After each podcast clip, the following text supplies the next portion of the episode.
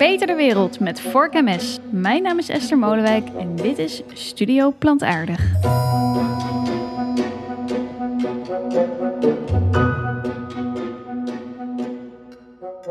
Vandaag heb ik mijn studio opgebouwd aan de keukentafel van Jeroen Willemsen. Jeroen is oprichter van de Green Protein Alliance, een vereniging waarin 43 organisaties de krachten bundelen voor het aanjagen van de zogeheten eiwittransitie. Uh, hij wordt dan ook wel de eiwitcommissaris van Nederland genoemd. Maar wat houdt die eiwittransitie precies in? Waarom is hij zo belangrijk? En vooral, hoe pakken we het aan? Uh, daarover gaan we in gesprek. Hoi Esther, welkom. Uh, misschien wel leuk om te vertellen dat je eigenlijk had voorgesteld om dit interview tijdens een wandeling te doen. Want volgens mij beweeg jij het liefst, hè? Ja, dat, dat, dat komt. Ik ben, ik ben uh, behoorlijk dynamisch, uh, dynamisch van, van aard. Uh, en, dus dat, en, en dat doe ik buiten het huis. Vind ik het leuk om, om lekker, lekker hard te lopen. En, en, en ook in mijn, in mijn, in mijn professionele leven probeer ik misschien soms wel wat te snel, maar ook veel stappen vooruit te nemen. Ja, en dat lekker hardlopen is volgens mij een beetje een eufemisme. Want toen ik hier net op de gang keek, zag ik een hele berg medailles hangen. Die, zijn die van jou? Ja, en, en van mijn dochter. Okay. Uh, dat klopt, ja. Maar ik ben inderdaad ook... Ben wel, wel, trots op sommige medailles die daar hangen. Uh, ja, ik vind. Uh, ik heb vanmorgen ook nog uh, 16 kilometer. Oh, echt? Eventjes zo. Ja. Oh, dat is fijn. Dus, je, dus dat uurtje stilzitten, dat gaat wel lukken. Ja, dat op dit moment. Het is misschien ook wel leuk om te noemen dat ik jou een paar weken geleden zag als voorzitter bij een evenement. En eigenlijk elke keer als je niet aan het woord was, dan stond je het heen en weer te wippen op je benen als een soort van in de startblokken om te gaan rennen. En als er dan iemand weer een vraag stelde bovenaan de trap, dan sprintte je naar boven om vervolgens totaal niet buiten adem die persoon aan het woord te laten. Uh, dus een mooi boegbeeld voor de eiwittransitie zo. Nou, misschien wel uh, een mooie vergelijking in die zin dat de eiwittransitie inderdaad uh, misschien wel uh, even dynamisch is als, als ik ook probeer te zijn. Nou, voordat we daarop ingaan, want dat woord is nu al heel vaak gevallen, eiwittransitie, um, ga ik je eerst eens even laten horen. Wij hebben Ernie van Dalen, die doet straatinterviews en die heeft voor deze podcast op straat eens gevraagd wat mensen eigenlijk vinden van de eiwittransitie. Dus die ga ik er eerst even bijpakken. Daar komt hij. De Vegan Voxpop. Wij maken een uh, podcast over de eiwittransitie. Weet je wat het is? Ik weet helemaal niks over. Nee? ik weet alleen eiwitten zeg maar, die je hoog moet houden. Zo hè? Zo. Heeft u wel eens gehoord van de eiwittransitie? Dat is het hele verhaal van de vervuiling en hoe het dan uiteindelijk uh, op je bord terechtkomt. Bedoel je dat niet? Heeft u wel eens gehoord van de eiwittransitie? Eiwit wel, maar de, die andere woord? Nee. De transitie niet? Nee, nee. Dat betekent eigenlijk dat we van veel meer dierlijk eten naar plantaardig eten gaan. Oh, okay. Nou, ik, eet eigenlijk, ik ben eigenlijk vegetarisch. Nou, ik eet wel vis, maar geen vlees en kip. Eiwittransitie. Nee, nee. Wat zou u denken dat de eiwittransitie is? Nou, ik zat een beetje biologisch te denken, maar ik denk dat de, de, in jullie context het met het eiwitbiertje te maken heeft, of niet? Wij zijn bezig met een podcast over de eiwittransitie. De eiwittransitie? Ja, kennen jullie dat? Ja? Ja, we zijn uh, veganistisch. Dus, uh, jullie zijn veganistisch? We zijn best wel bezig met andere eiwitten, ja. ja. En uh, mag ik vragen waarom jullie veganistisch zijn? ja, de, de, dieren. De dieren? Ja, ja voor dierenleed. Ja. Bio-industrie. Dus we zijn vier jaar geleden eens een keertje een maandje gaan doen. En toen bleek het heel makkelijk te zijn en lekker. En toen hebben we het ingehouden. Nou Jeroen, er is nog werk aan de winkel wat betreft de, de, de kennis over de eiwittransitie. Absoluut, absoluut. Je, merkt wel dat er wel mensen zijn dat als je het, als je het uitlegt, hè, dat ze daar een bepaald gevoel bij hebben. En uh, ik, ik, vermoed dat de, de, de, de interviewer, die heeft uh, niet ook gevraagd van, weet je wat de energietransitie is? En ik, want ik kan me namelijk voorstellen dat er best wel veel meer Nederlanders in ieder geval zijn die uh, zich iets kunnen voorstellen bij wat de energietransitie is. Hè? Dus de omschakeling van het, het, de productie en het verbruik van fossiele eh, brandstoffen naar hernieuwbare brandstoffen. En, ehm, en dat gebruik ik wel, eh, wel vaak om ook, eh, om ook uit te leggen van, van wat is dan de, de eiwittransitie. Ja, en, en, en wat is die dan? Hoe, doe, eens, doe eens de korte versie van wat, hoe we hem zouden definiëren. Ja, nou, de afgelopen twee generaties zijn we heel veel vlees en zuivel, dus dierlijke eiwitproducten gaan, gaan consumeren.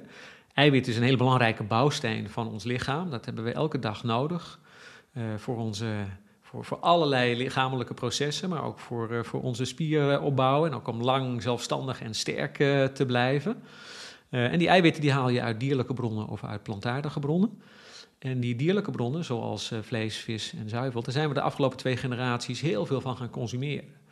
Ehm, tot het niveau dat we op dit moment bijvoorbeeld ongeveer 50% meer vlees consumeren dan dat het voedingscentrum voorstelt. 50 procent. 50 procent. Dus ik, ik zeg wel eens eh, eh, van nou, we hebben een, een, vleesberg gebouwd de afgelopen eh, twee generaties. Ook omdat we dachten vaak dat een, dat een overvloed aan vlees, dat dat nou ja, een, een- teken is van, van, van welvaart, luxe, hè, misschien zelfs gezondheid. Maar nu staan we bovenop die berg, kunnen we wat verder kijken en zien we eigenlijk dat het tegengestelde waar is. Eh, en de eiwittransitie is eigenlijk niet meer, niets meer of minder dan het herstellen van een gezond en duurzaam evenwicht in de, in de verhouding waarin we dierlijke en plantaardige eiwitten consumeren. Dus om die vleesberg, om daar, of, of de zuivelvallei zeg ik ook wel eens, hè, om daar weer uit te komen. Dus eigenlijk het gaat gewoon over de verschuiving van dierlijk naar meer plantaardig. En omdat het, het hoofdbestanddeel daarin zit hem in de eiwitten. En daarom noemen we het de, de eiwittransitie. Is dat zo eh, Ja, simpel gezegd? En, en dan heb je het over meer eh, plantaardige ei. Oh, nog één ding wat goed is om te noemen is... eiwit is hetzelfde als proteïne. Ja. Toch? Want we hebben het natuurlijk ook vaak over proteïne. Sommige mensen eh, we zien nog niet helemaal dat Heel dat goed. hetzelfde maar dan hebben we het gewoon over het... de, het is eigenlijk ook de proteïne-transitie. Ja, maar als we toch be- bezig zijn Ja. om het bij de mensen tussen de oren te, te krijgen, dan hebben we het het natuurlijk eiwitten. consistent over de eiwittransitie. Precies, ja. En eh, waar kunnen we nou die, die plantaardige eiwitten eh, voornamelijk in vinden? Nou ja, ze zitten in heel veel producten die we al kennen. eh, zoals bonen, zoals pulvruchten, noten, zaden, granen. Ehm, maar ook in groentes bijvoorbeeld. Hè, daar zit niet zo heel veel eiwit, maar er zitten wel ook weer bepaalde aminozuren in. Aminozuren, dat zijn weer de bouwstenen van eiwitten. Maar eh, als, je het, eh, als je het doorvertaalt naar producten die, eh, die je ook als variatie kunt, eh, kunt consumeren op vlees, vis en zuivel, hè, dan, dan zijn de, be- de bekende vleesvervangers, ik noem ze nog wel eens vleesopvolgers.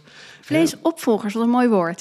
Ze zijn eigenlijk vleesvoorgangers ook, maar vervolgens weer opvolgers. Ja, Ja. ja. ja, precies. Ja. En eh, ook, ook omdat, ehm, omdat de producten nooit één op één vergelijkbaar zijn. Hè? Dus als je kijkt naar de samenstelling of de nutritionele waarde, hè, eh, vlees heeft daarin zijn, eh, zijn waarde. En plantaardige variaties op vlees, op vleesopvolgers, ja, die hebben daar ook een hele belangrijke waarde in.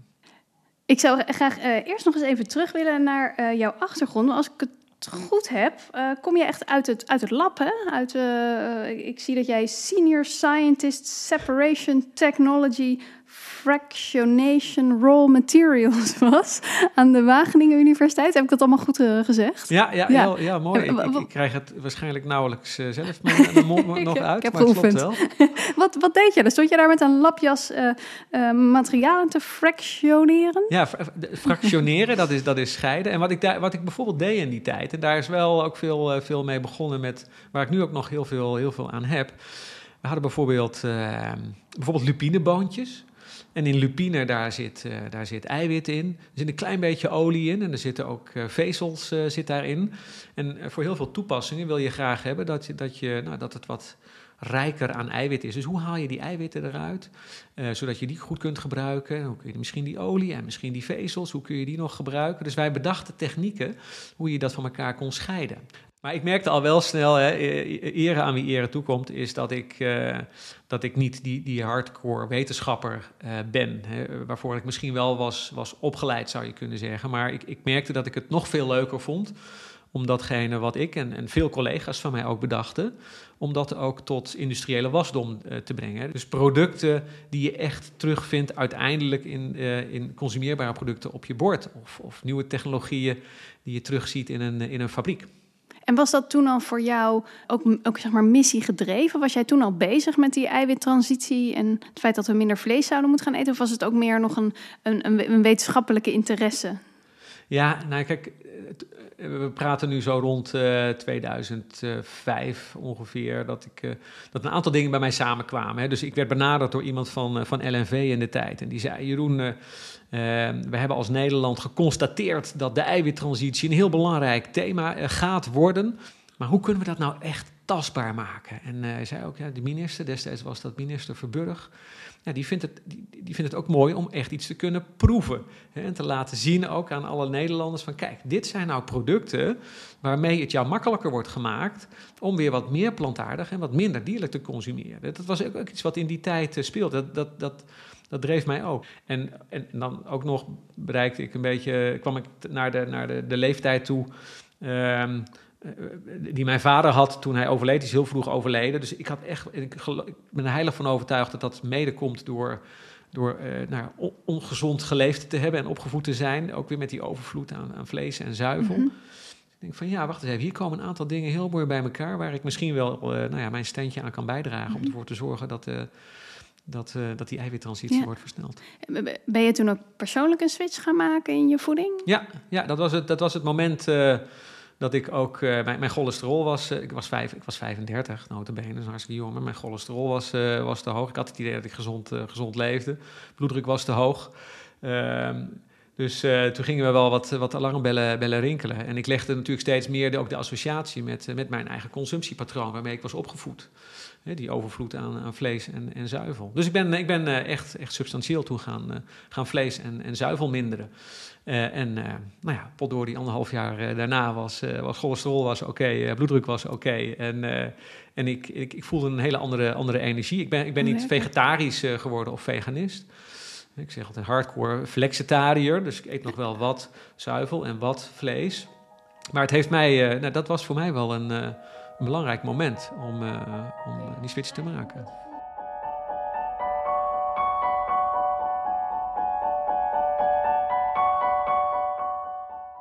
vanuit dat lab ben je naar Oja gegaan, zei je. Je bent je medeoprichter van Oja, een bedrijf dat vleesvervangers uh, produceerde. Vleesopvolgers. Vle Sorry, ik, dit ga ik in mijn hoofd stampen. Voor het eind van het interview uh, zeg ik het goed. Uh, kun je vertellen, jullie stonden nog wat aan het begin van die, van die technologie. Wat, wat zijn eigenlijk de ontdekkingen die daar zijn gedaan?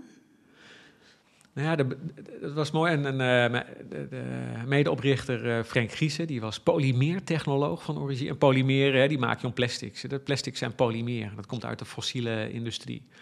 En, uh, en hij, ja, hij, hij, hij bedacht van als we nou diezelfde principes om poly, polymeren te, te vervormen en om ze een bepaalde structuur te geven, misschien kun je daar ook wel plantaardige eiwitten mee, mee textureren en vormgeven.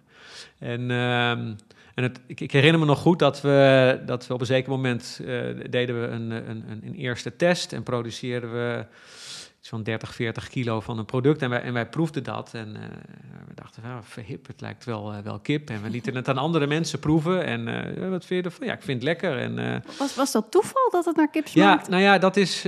ja, sommige innovaties of, of vindingen, die, die, die, die, die komen ook voort uit een stukje toeval. Hè. Toeval in, dat je op het juiste moment bent, maar ook dat je nou ja, de, de juiste instellingen hebt in dit geval van... Um, van het, de pasta-machine waarmee we dat, uh, waarmee we dat uh, maakten.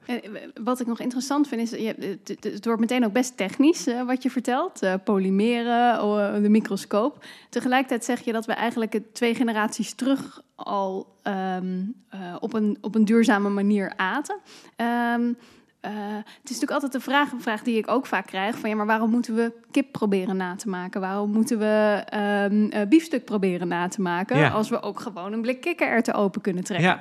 Ja. Um, uh, hoe zie jij dat? Ja, nou ja, want het, klopt wat jij zegt, Esther. Hè? De, um, de meest logische manier om van die vleesberg af te komen hè? En, en om weer wat meer plantaardig te gaan consumeren, is, is gewoon let dat woordje, want het is heel gevaarlijk, om gewoon meer pulvruchten of meer noten te gaan eten. Uh, maar voor veel mensen is dat, is dat vanwege een stuk opvoeding en routine en gebruik, is dat een te grote stap. En dit is wel een goed moment dat ik heel even een, een voorwerp pak uh, wat hier voor mij op tafel ligt, wat ik heb meegenomen. Dat is een, een, gloeilamp. Een, een gloeilamp. Ja. Een ouderwetse gloeilamp van 60 watt. Weet jij hoe de duurzame opvolger van deze gloeilamp eruit zag? Oei, was, was dat die, die, die, die onogelijke spaarlamp? Nee, maar kijk maar, je mag ook wel even hier in, de, in Ja. het... eh, hoe ziet die eruit? Oh, die, die ziet er nu hetzelfde uit. Die ziet er hetzelfde uit. Ja. Ja, dat is best wel interessant, vind je niet? Ja. Dezelfde schroefdraad, hè, dezelfde peertjesvorm. En eh, nou, waarom, waarom noem ik dat? Is omdat dit een voorbeeld is. Maar ik kan ook zeggen, waarom lijken elektrische auto's zo op auto's die op fossiele brandstof eh, rijden, bijvoorbeeld? Daar, is een, daar is een reden voor. En een belangrijke reden is omdat we gewend zijn aan bepaalde, in dit geval vormen. of aan bepaalde structuren, bijvoorbeeld die, die, die schroefdraad die in een pitje moet, eh, moet gaan. En, als je dat, en, en dat is, eh, als je dat doorvertaalt naar waarom heel veel vleesopvolgers dus qua, qua vorm lijken op wat we gewend zijn, dat heeft alles te maken met, met routines. Hè. Dan is, is het wel eh, een bekend proces eh, eh, waardoor mensen eh, afhaken vaak in, in, in transities. Dat heet neofobia, dat is het angst voor het nieuwe. Dus als het, als het te nieuw is, te ver afwijkt van wat je gewend bent, dan wordt het voor heel veel mensen wordt het moeilijker om over te gaan op een, een ander product. En dat is ook de reden, dus de belangrijkste reden waarom dus ook vleesopvolgers lijken in, in vorm en bereiding en, en textuur op, op wat we gewend zijn. Een mooie kleine Ja. stap. Laten we eens eh, kijken naar de, eh, wat er eigenlijk op dit moment vanuit de overheid, eh, waar de overheid zich aan gecommitteerd heeft op het gebied van de eiwittransitie. Wat voor doelstellingen er liggen en, en welk beleid er op dit moment is om daar invulling aan te geven. Kun je daar iets over zeggen? Ja, 2009, toen, toen publiceerde destijds minister Verburg, die publiceerde de Nota Duurzaam Voedsel. En die zei daar in Nederland moet binnen 15 jaar wereldwijd koploper zijn op het gebied van duurzaam voedsel.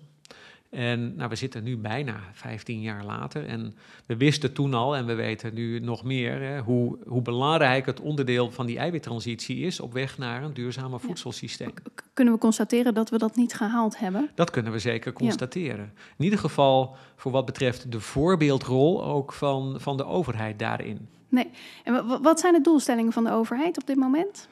Ja, eh, nou ja, in, in 2018 verscheen de transitieagenda biomassa en voedsel.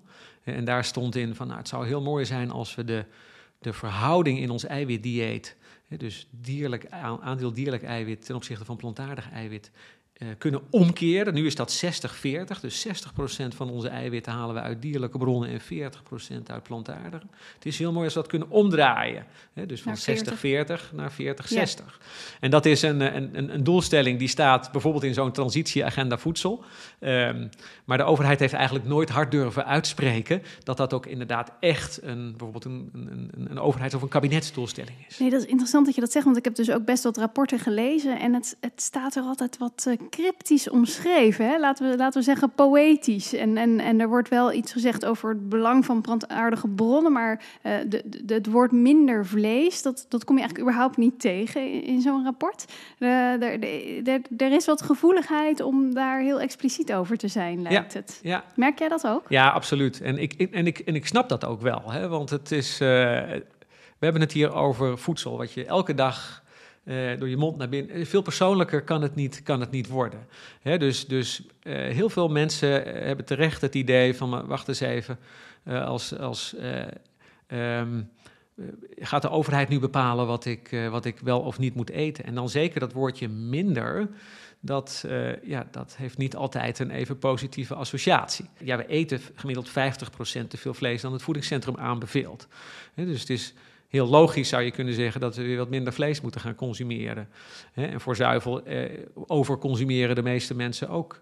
Eh, dus dat, dat klinkt heel logisch. Maar het komt natuurlijk nooit lekker binnen als, het, als het is van ja, minder. En, daarom ben ik ook een heel groot voorstander van juist het woord meer. Kijk, de eiwittransitie biedt kansen op, op meer leven, hè, meer gezond leven. Eh, langer leven bijvoorbeeld biedt kansen op meer inkomsten voor eh, partijen die nu bijvoorbeeld nou ja, ook ervaren in de fossiele industrie hoe moeilijk het, eh, hoe moeilijk het is. Hè? Of, of alternatieve verdienmodellen ook voor agrariërs, maar ook voor, voor, voor, voor grote industrieën. En, en, en dat is een inzicht waarvan ik. Ik doe mijn best, maar eh, blijkbaar toch nog niet, eh, eh, nog niet goed in, in geluk in geslaagd ben om dat ook te laten landen. Want ik denk dat dat veel meer een, een positieve boodschap is die, die beter kan, kan landen. Laten we eens omdraaien. Als jij nou eens een dag op de stoel zou zitten van, laten we zeggen, de premier. Je hebt één dag en je mag drie dingen doorvoeren op het gebied van de eiwittransitie. Welke drie zouden dat dan zijn? Nou, ehm, eh, de eerste die, wat ik zou doen ehm, is, is een, een, een, een regeling eh, eh, in het leven roepen en die heet SDE eh, drie keer plus. Er bestaat namelijk al Heel een, sexy, eh, Ja, nou, dat- ik zal je vertellen, er bestaat al een, een heel lange regeling en die heet SDE. Dat is de Stimuleringsregeling Duurzame Energie en Klimaattransitie. En ehm, volgend jaar geeft het, het kabinet 11 miljard, 11 miljard euro uit aan die SDE dubbel plus. Voor, vooral op Ja, energiemaatregelen hè, dus gericht. bijvoorbeeld eh, dat kan zijn aanschaf van zonnepanelen of warmtepompen of eh, elektrische auto's. En eh, ik zou dus een, een SDE triple plus zou ik, zou ik inzetten. En, dat, en die E die staat dan niet voor energie, maar voor eiwit. Dus dat is een stimuleringsregeling duurzame eiwitten.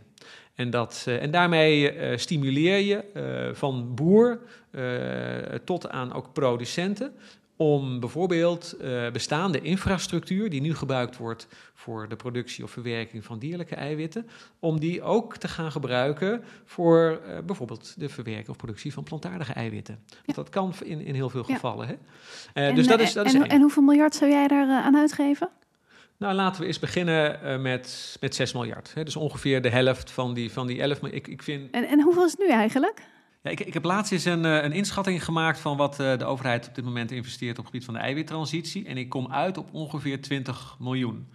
Nou, ik noemde net al die SDE-regeling, die 11 miljard. En in totaal investeert de overheid grofweg 20 miljard euro aan de energietransitie. Dus er zit een factor 1000 tussen de investeringen op de energietransitie en de eiwittransitie. Nou is 20 miljoen euro heel veel geld, maar als je kijkt naar de urgentie en de impact van de eiwittransitie, nou, dan denk ik dat daar ook eh, enig herstel van de balans eh, eh, op zijn plek zou zijn. Goed, ik heb hem genoteerd. 6 miljard naar de SDE triple plus. Je, je, hebt, je hebt er nog twee. Ja, nou dan, dan komen we dus bij de, bij de tweede inderdaad. En ehm, daarvan zou ik zeggen van laten we op een andere manier kijken naar ehm, eh, het eiwitrijke land wat we als Nederland zijn. Even ter, ter illustratie. ehm, er zijn eh, in 140 landen over de hele wereld zijn er in gezamenlijkheid 100 miljoen mensen die elke dag vlees eten wat in Nederland geproduceerd is. Elke dag. Ja. 100 miljoen mensen die elke... Dat is wel indrukwekkend. Ja, dat- vind ik ook. Ja. Hè. Dus, dus, eh, dus vanuit dat postzegellandje Nederland ehm, zorgen wij ervoor dat eh, ongeveer zes keer het aantal inwoners wat we in Nederland hebben, ehm, wereldwijd ook wordt voorzien van, eh, van vlees. Want, want hoeveel van, van de vlees die in Nederland ge- ge- ge- geproduceerd wordt... is voor de export bedoeld? Oeh, dat weet ik niet exact, maar ik, ik zou zo zeggen dat dat, dat, dat 80, eh, 90 procent is. Zou me niet verbazen. Ja. Ehm, nou, je kunt zeggen van dat is, eh, dat is eigenlijk best wel bizar veel, en dat is het ook wel. Ehm, hè, moeten, moet- moeten we niet meer gaan produceren? Of, eh, eh, als we nou eens meer zouden produceren alleen voor onze thuismarkt, hè, dat zou, eh, Ja. zou dat niet een stuk, een stuk Precies. gezonder en duurzamer een zijn? dubieuze eer is het. Ja. ja. Ehm, maar ik ben wel een. ik, ik kijk wel altijd naar kansen. En ehm, als ik dat soort getallen hoor, dan denk ik ook van nou ja, blijkbaar ligt er een, ook een infrastructuur en is er een, een netwerk. Eh, die maakt dat we in al die 140 landen eh, ook terechtkomen. Hè? En ook de contacten hebben met, eh, ook met supermarkten bijvoorbeeld. Hè? En, met, en met eindaanbieders. De hele koelketen daaromheen. Ook waar het gaat om verpakking en logistiek. Nou, dat kunnen we allemaal heel mooi ook gebruiken. Ook voor het aan de man brengen. Ook van plantaardige eiwitinnovaties bijvoorbeeld. Dus als ik het vertaal, eh, de, de, de bedrijven die op dit moment in de vleesindustrie werkzaam zijn, eh, helpen om te switchen naar eh, plantaardige eiwitten. Nou ja, niet, niet per se switchen, maar ook weer ook daarin een, een andere balans. Hè. Ik, ik ben, Mhm. ik ben, Je bent heel genuanceerd. Nou ja, ik, nou, ik ben realistisch. Ik ben, ja, Ja. nee, ik, ik ben gewoon realistisch. Ja. Je, je, je kunt niet zomaar eh, eh, vragen van, eh, sluit nu maar alles wat je doet met dierlijk af en gaan we helemaal naar plantaardig. Nee, dus Nederland Eh, mevrouw Molenwijk, Nederland is een eiwitrijk land. En laten we die rijkdommen ook gaan gebruiken. Heel goed. En meneer de minister-president, hoe gaan we dat dan eh, precies doen om, die, om dat te bewerkstelligen? Welke, welke maatregelen koppelt u daaraan? Nou, het belangrijkste is dat daarin eh, best practices nu worden, worden gecreëerd. Want ik snap heel goed dat dat voor heel veel bedrijven ook wel heel spannend is. Om echt op een andere manier te kijken naar, eh, naar hoe je infrastructuur, eh, logistiek, kennis eh, gaat inzetten. De waarde van de Nederlandse export van vlees op dit moment is 8,7 miljard euro.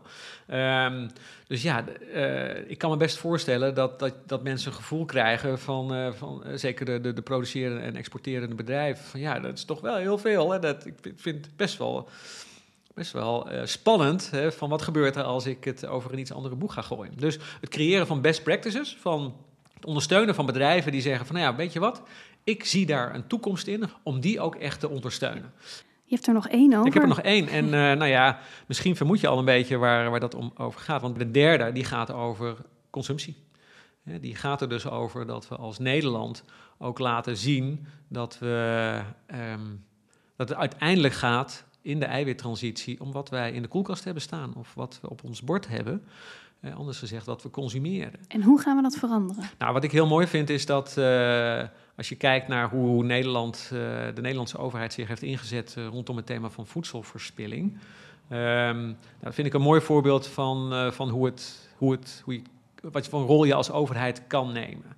Hè, ehm, ik zeg wel eens in, transities heb je het over, heb- vanuit consumentenperspectief heb je het over, drie woorden spelen daarin een belangrijke rol. Dat is hoofd, hart en handen. Hè, hoofd is dat je het begrijpt waar, waar, waar het over gaat. Eh, hart is dat je er een gevoel bij krijgt en ook een, een zekere aandrang om te zeggen van nee, maar wacht eens even, dit klopt niet, ik wil hier iets, iets aan veranderen. En handen is ook het doen. Hè? Dus het omzetten van datgene wat je begrijpt en wat je voelt naar je gedrag. En eh, zeker een overheid heeft bij die eerste twee een hele belangrijke rol. Dus ervoor zorgen dat mensen het begrijpen en dat ze er ook een bepaald gevoel bij krijgen van wacht eens even, dit, dit klopt niet. Dus ik zou, ik zou ervoor zijn om, eh, recent, eh, daar is veel te doen om geweest, die campagne Iedereen doet wat. Eh, er was aan het licht gekomen dat, eh, dat de Nederlandse overheid eh, ehm, minder vlees eten. Hè. Want minder, min- iedereen doet wat. Dat ging over wat kun jij nou doen als consument om ook duurzamer eh, eh, te leven. Maar minder vlees eten, dat, eh, dat is daar uitgehaald en zelfs uitgehouden. En ik denk dat, ik, ik, vind het, ik vind het instrument en de campagne vind ik heel erg mooi. Maar nou, wat mooi zou het ook zijn, zijn geweest, en dat kan nog steeds, om ook nou ja, dat element mee te nemen. Wat me een beetje verbaast, is dat ik de vleestaks niet hoor noemen in de top drie. Waarom verbaas je dat? Eh, omdat eh, ik het idee heb dat dat een heel effectieve manier is om eh, mensen dus te stimuleren om een andere keuze te maken. Plus dat het, geld wat er dan op vlees zou komen, kan gaan naar een duurzamere productie van het vlees. Naar de boeren en vervolgens een betere en duurzamere productie. Maar ik ben heel benieuwd hoe jij dat ziet. Ja. Ehm, ik, waar ik in geloof is eerlijker prijzen. Ehm, aan het eind van de keten, hè, dus voor de, voor de consument. Ehm, veel vleesproducten zoals die nu worden aangeboden, worden veel te goedkoop aangeboden. En eh, variaties op, eh, op vlees, vis en zuivel, ehm, eh, die, die worden nou ja, tegen realistische prijzen worden die aangeboden. Waarbij iedereen in de keten ook, ook iets, iets verdient. En ehm vleestaks, nou ja, ook dat heeft weer natuurlijk wel een, een bepaalde intonatie. Maar ik, ik heb me daar in, in, verdiept en ik heb ook gekeken hoe hebben andere landen dat gedaan. En ik, ik, ik vraag me af eh, wanneer, zeg maar, hoe hoog eventueel zo'n vleestaks zou moeten zijn, eh, opgelegd door de overheid, voordat het aan het eind van de keten echt het, het verschil gaat maken in prijs. Op basis waarvan consumenten dan gaan zeggen van oké, ik ga nu minder vlees eh, consumeren en meer plantaardig. Kijk eens naar, naar roken bijvoorbeeld. Hè. De accijns voor, voor roken zijn de afgelopen jaren enorm gestegen. Een- pakje sigaretten, wat is, kost nu? Is- is 10 euro of zo, ik, ik weet niet, maar bizar veel. En je ziet nog steeds dat er heel veel mensen, en daar heeft het over roken. Hè. Ik bedoel, ja, eh, eh, goed, eh, hoe, hoe duidelijk wil je het hebben dat dat, dat, dat je levensverwachting nou, eh, substantieel gaat verkorten. Tegelijkertijd is het natuurlijk ook, ook wel erg meer verslavend, roken. Meer verslavend dan vlees. Dus ik kan me voorstellen dat, die, dat het moeilijker is om daarvan af te stappen. Ja, is dat zo? Ik denk dat, dat, dat we als Nederland, dat heel veel Nederlanders eh, vleesverslaafd zijn. Ja? Ik ben het zelf ook geweest. Ja. En dat is, eh, ja, zo durf ik het echt wel te zeggen.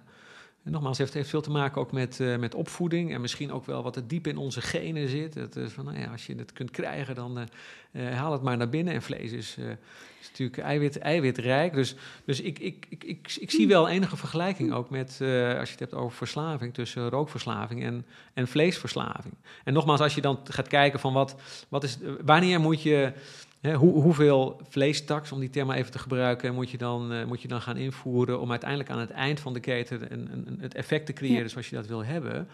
Ehm, ik heb het idee dat je er dan bijvoorbeeld met een paar procent niet, niet gaat komen. Hè, dan, dan, dan, moet je, dan, dan zou je echt nou, enorme, bizarre percentages als overheid zijnde zeg maar, daarop moeten, op moeten invoeren. Ik, ik denk, ik geloof, nogmaals, ik geloof echt wel in een level playing field, of een level pricing field is het eigenlijk. Dus, dus, dus vlees en plantaardig ook dichter bij elkaar. Eh, maar dat, ook, dat, dat elke partij in de keten daar een rol in heeft. Dus eh, waar we hele grote stappen kunnen zetten, dan is dat ook verderop in de, in de keten. Hè, dus, dus En dan je, bedoel je? nou, dan, dan kijk ik bijvoorbeeld naar de, de, de, de, de marges die eh, over het algemeen op vlees worden gezet. Die zijn veel lager dan de marges die bijvoorbeeld op, op vleesopvolgers worden, eh, worden gezet. Dus dat eh, Dit, routine. dit, vind ik, eh, dit vind ik een openbaring. Ja, Waarom is dat zo? nou, dat heeft allerlei redenen. Een, een reden is, heeft te maken met volume. Dus als je van, van heel veel, als je iets heel, in hele grote volumes verkoopt, hè, eh, en eh, je, je hebt een prijs waar, waar je niet zo heel veel op verdient per kilo, maar omdat je zoveel verkoopt, kun je daar toch nog heel mooi mee verdienen. Hè? Nou, dus eh, dat is een van de redenen waarom marges, want vlees wordt heel veel verkocht. Hè? Hele grote volumes, iets kleinere marges eh, daarop. En dan hebben we het ook over andere procentuele marges of over Ja, andere, andere absolute ja, maar procent, Oh ja. maar- Ja, precies, procentueel. Hè, dus, en een tweede reden is, is, is omdat ehm, ja, eh, eh, er zijn bepaalde eh, eh, producten in het leven. eh, neem even de, de, de, de wc, eh, eh, toiletpapier bijvoorbeeld. Hè, dat is een soort van, dat wordt vaak gezien als een soort van essential. Hè, en in het kader van die vleesverslaving, ook vlees wordt door heel veel mensen gezien als essential. Ja. Dat is een reden voor veel mensen, mooie, mooie, mooie reclame, mooie, aan, mooie aanbieding, om daarvoor naar een supermarkt te gaan. Hè. Dan koop je niet alleen de wc-rollen of, of koffie of, of vlees, maar je koopt ook heel veel andere producten daarbij. Hè. Dus in de mix werkt het dan om te zeggen van, nou, ja, weet je wat, dan We nemen trekken we mensen wat, naar de supermarkt met vlees. wat- Ja. ja. En er zijn dus, eh, en, en dat is even van de positieve kant, er zijn dus eh, nu ook gelukkig eh retailers, supermarktketens, die, die ook zeggen van, maar wacht eens even. Dus de kiloknallen die we kennen vanuit het vlees, hoe mooi is het als we die ook in de vleesopvolgers hebben. En dat is wel het mooie wat je nu ziet, is dat die volumes, die verkopen, die stijgen. Eh, en, en nu zie je dus inderdaad dat, dat daar langzaam een, een, een- ook een, een, herstel plaatsvindt. Dus andere, andere pricing zit me niet per se in een tax, maar ook heel simpel gezegd dat de supermarkten meer verdienen op plantaardig dan op vlees en dat we dat recht zouden moeten trekken, minimaal. Ja, ik denk Zo dat dat helpt. En, eh, en Ja. nogmaals, het gaat, het gaat, dat gaat in de mix. Hè, en de hoeveelheden spelen daarbij een rol. Maar je ziet nu dus al de eerste retailers die dat, eh, die dat aan het doen zijn. Wat we ook daarin niet moeten vergeten, is dat eh, veel te veel eiwitten consumeren hè, en veel te veel vlees. Dus ook kleinere porties eh, is, is heel erg belangrijk. Dus dus het, scheelt, het, het scheelt in de, als je de kiloprijs omlaag gaat, scheelt het. Maar het scheelt ook als je zegt van ja, maar in plaats van twee ons vlees bijvoorbeeld, eh, eet ik eh, per dag één ons eh, vleesopvolger bijvoorbeeld. Ja. Je kunt je voorstellen, dan mag er zelfs nog een behoorlijk prijsverschil tussen zitten, maar dat je dat in de portemonnee dat niet merkt. Sterker nog, dat je minder gaat betalen. En dat je ook wat minder, wat minder overconsumeert. En, en dat is, is misschien ook niet gek. Dat is een goed punt dat je maakt. Dat we nu eigenlijk al te veel eh eiwitten eten of meer dan we nodig hebben. Dus dat we ook niet al te krampachtig hoeven te denken dat we al dat vlees, al die eiwitten uit vlees maar moeten halen uit bonen of vervangers. Ehm, want dat we eigenlijk met de groenten die we eten al een heel eind komen. Absoluut. Eh, ja. Jeroen, voordat we doorgaan, wij hebben eh, jouw naamgenoot Jeroen eh, is eh, chef van Uit de Keuken van Maas. En hij bereidt elke podcast een recept voor ons. En vandaag, voor deze podcast, heeft hij speciaal een recept op basis, nou, met, met eiwitten geproduceerd. Dus ik, ik ga je die laten horen, daar komt hij.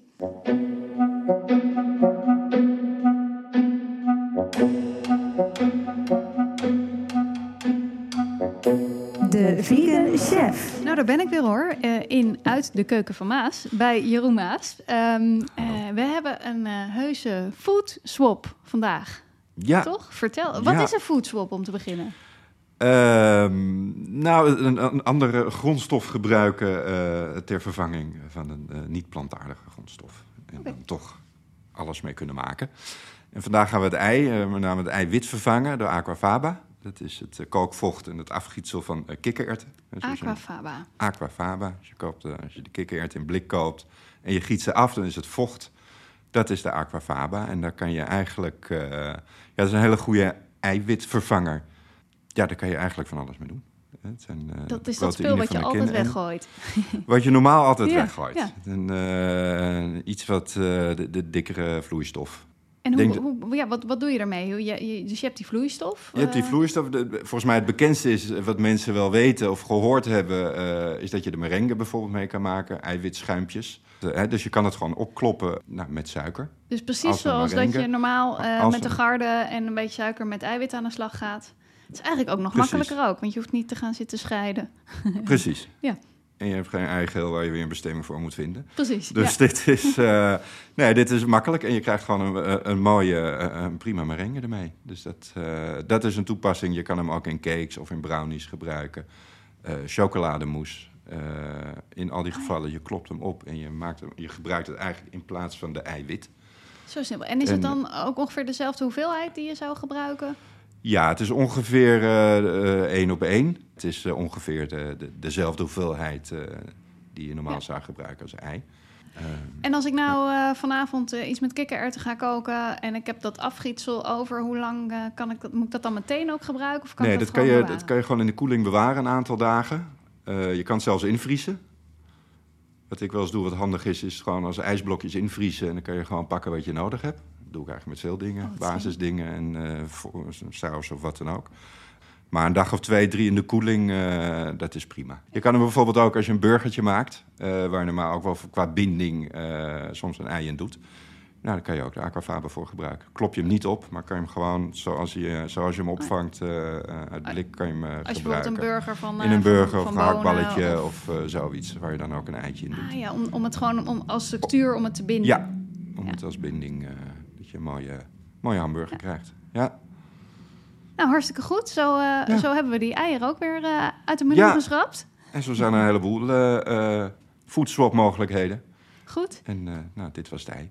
Leuk joh. Nou, we gaan hem op de website zetten, Aquafaba. En wat je er allemaal mee kan. Maar als ik van jou hoor, moeten we daar ook nog een beetje op googlen. Want er is daar gewoon... Er, is, er zijn ontzettend veel leuke recepten mee te vinden. Ja, absoluut. Dankjewel voor deze food swap. Maak jij eens wel eens wat met eh, Aquafaba, Jeroen? We hebben eh, hier een aantal maanden terug hebben we merengues eh, gemaakt Echt? met Aquafaba. En?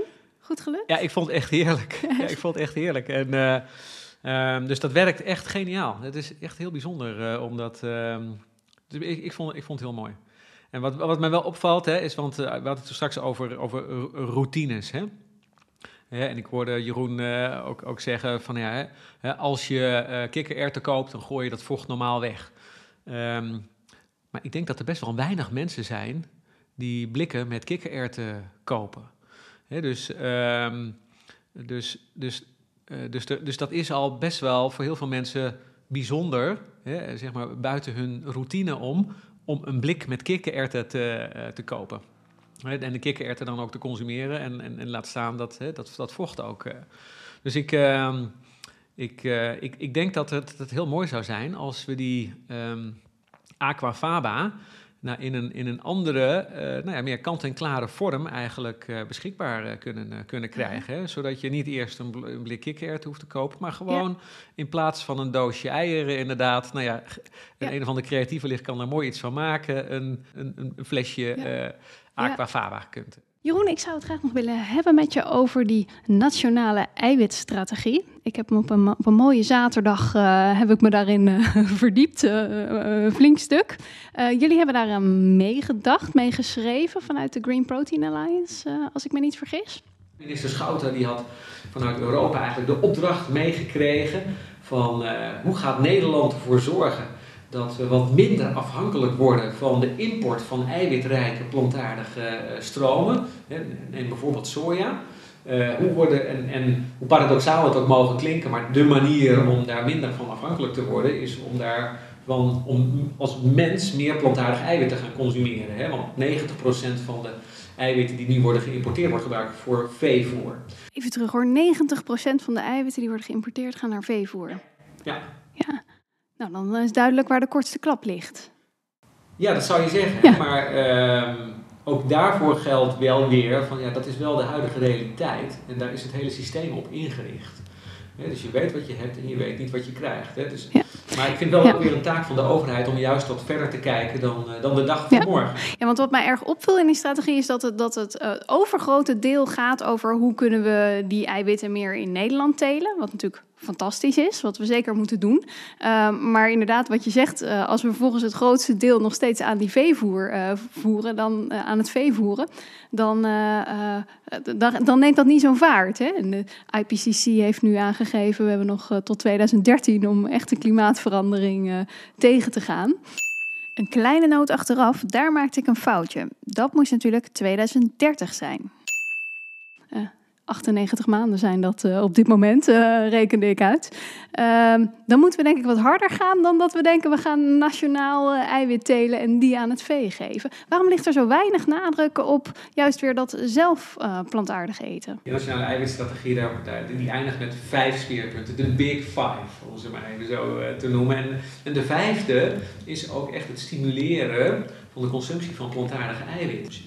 Um, en, want, want inderdaad, op, zeker op de lange termijn, is, is, zijn daar de grootste, is daar de grootste winst te halen. Ja, heb jij inzicht in um, wat, het, uh, wat de efficiëntie is als je, het, als je de voeding direct aan de mens zou geven? Het eiwit, laten we zeggen soja, uh, versus als je, die, als je dat eerst voert aan een dier en vervolgens het vlees uh, zelf consumeert? Ja, het is mooi, leuk dat je die vraag stelt. Want dan pak ik toch even dat dat, dat, dat gloeilampje uh, erbij. Die, die gloeilamp die is, uh, die is in 2005 was het geloof ik, is die in de band gedaan. Omdat 85% van de energie die, die in, via middels stroom in die gloeilamp stopt, die ging, ging verloren aan, aan, aan warmte. En slechts 15% van die energie die erin stopt, die werd omgezet in licht, waar het eigenlijk voor bedoeld was. Nou, als je nu kijkt naar de, de, de, de reis zeg maar, die, die de energie doormaakt die in de grondstof stopt, om bijvoorbeeld uh, mooie bonen te, te, telen. En als je die bonen voert aan, aan runderen en uh, die runderen weer uh, aan mensen, hè, dan gaat ook 85% van die energie gaat in die weg verloren. Ik vind het ongelooflijk om te horen. En tegelijkertijd betekent dat ook een gigantische kans om een snelle klap te maken.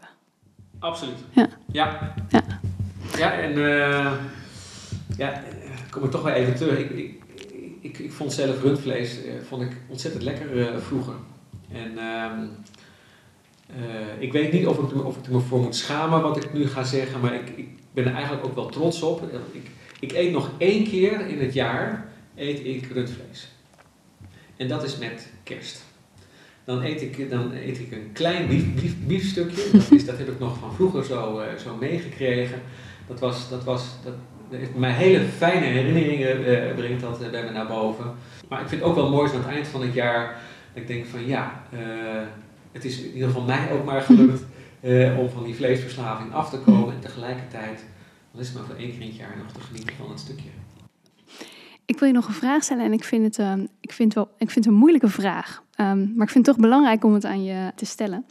Uh, en die vraag gaat over belangen. Jullie hebben bij de Green Protein Alliance een aantal enorme plant-based voorvechters aangesloten, zoals de Dutch Wheat Burger en uh, Johnny Cashew.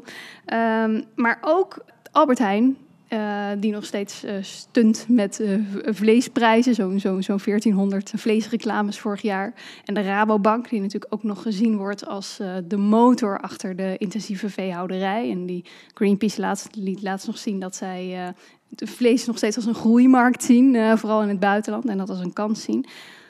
Hoe ga jij daarmee om, om dat soort partijen in, in jouw alliance te hebben? Ja.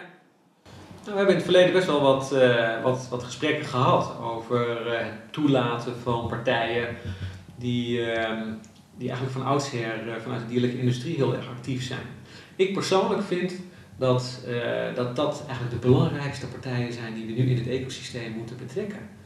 Um, Want eh, da- daar zit, daar zit ook echt eh, letterlijk en figuurlijk de, de, grootste, de grootste winst. Nou, neem, bijvoorbeeld, eh, neem bijvoorbeeld Albert Heijn. Die hebben twee weken geleden hebben ze, ehm, hebben ze iets gepubliceerd rondom hoe zij ook monitoren hoe ze omgaan met dierenwelzijn bijvoorbeeld. En ook wat de eiwitverhouding is in de producten zoals ze die nu verkopen. Hè? Dus, dus de verhouding dierlijk eiwit en plantaardig eiwit in hun producten. En daar hebben we ze als Green Protein Alliance ook, ook bij, bij geholpen en geïnspireerd. Om te zeggen, nou, je zou het op deze manier kunnen, eh, kunnen berekenen. En, en deze data zou je daarvoor kunnen, eh, kunnen gebruiken. Dus je kunt, het is heel erg verleidelijk om te kijken, maar dit is nu de situatie. En kijk eens hoe, eh, hoe onduurzaam het aanbod is. En zeker als je kijkt nu naar de, naar de omzetten bijvoorbeeld. Ik ben meer geneigd om te, om te zeggen, ja, maar dat zijn eigenlijk de belangrijkste partijen die we juist moeten helpen. En, en eh, zijn er wat jullie betreft ook no-go's? Of eh, dingen waarvan je zegt van nou, als jullie dit doen, dan, eh, dan kun je niet langer aangesloten blijven. Zijn er wel eens harde punten, zoals bijvoorbeeld het reclame maken voor vlees in, in de, week, de week zonder vlees? Ehm, dingen waarvan je zegt van nou, dit- op dit moment gedraag je je niet meer als een voorvechter van de eiwittransitie en, en, en mag je hier geen deel meer van uitmaken. Ja, nou, ehm, achter de schermen gebeurt dat nog wel eens. Hè? Dat, vind ik, dat vind ik ook, eh, ik zal daar geen voorbeeld van noemen, maar ik zal even laten eh, vertellen hoe dat dan gaat. Hè? Dus eh, wij, wij, wij worden ook, hè, wij, wij vinden het fijn als, eh, als, als leden ook zich laten challengen. Hè? Bijvoorbeeld waar het gaat om, om nieuwe producten of nieuwe campagnes bijvoorbeeld. Eh, en dan geven wij wel aan van, nou ja, eh, is dit nou wel een goede manier om, eh, om je te, te, positioneren of te profileren? Hè? Eh, Je kunt ook denken aan andere manieren om dat te doen, met andere producten daarbij. Hè? En, ehm, en, en niet altijd, maar vaak wordt dat wel overgenomen. En dat is ook een belangrijke rol van zo, bijvoorbeeld zo'n Green Protein Alliance. Hè? Dat, dat je ook helpt, dat je in ieder geval een omgeving creëert waar, waar het mogelijk is om dit soort zaken ook te bespreken. En soms best wel ook wat harde woorden te, te delen, maar uiteindelijk met een positieve uitkomst. eh, dat, eh, dat er bepaalde producten worden geïntroduceerd of op een bepaalde manier worden gecommuniceerd die bijdragen aan ons verenigingsdoel. Samen op weg naar 50-50 in 2025 en 60-40 in 2030. 60-40 in 2030. Ja, plantaardig. Jeroen, ik, eh, ik heb het idee dat jij een eh, ontzettend eh, diplomatieke, eh, politieke functie ook hebt. Dat je af en toe best moet laveren tussen veel belangen en eh, idealisme en realisme. Volgens mij gaat dat je heel goed af. Ik vond het een heel leuk gesprek. Dank je wel. Heb jij nog iets toe te voegen? Ehm, ja, ik, eh, je hebt mij eh, vandaag getrakteerd op, eh, op heerlijke thee en, en een lekkere kruidkoek. Ik heb jou niks te eten aan te bieden, maar ik heb wel een, een ander presentje voor jou. Ik heb hier voor mij een, een flesje. En, en in dat flesje, daar zitten vijf verschillende lagen als je goed kijkt. En dat zijn allemaal laagjes met verschillende Nederlands geteelde eiwitten. En dat begint onderop met algen. Uh, daarboven zit een laagje Nederlands geteelde quinoa. Uh, daarboven zit een laagje Nederlands geteelde soja van die, van die, die nieuwe melkboer die ik net al noemde. Daarboven zit een laagje uh, veldbonen. Nou, veldbonen is echt een, een, gewas wat nu weer in opkomst is. Ik, en daarboven tot slot zit een laagje Nederlands geteelde lupine. En de lupine dat wordt wel het gouden boontje genoemd. Uh, het heeft een mooie, mooie kleur, maar het, is, het, is, heeft, ook een gouden toekomst waar het gaat om het herstellen van het eiwit-evenwicht in Nederland. Dus ik geef jou dit flesje met een mooi Nederlands vlaggetje daaromheen. en ik hoop dat, dat je het een mooi plekje geeft en dat het ook jou helpt, misschien wel in, in, in vervolginterviews, om ook eens te laten zien van kijk eens, in de basis hebben we het hier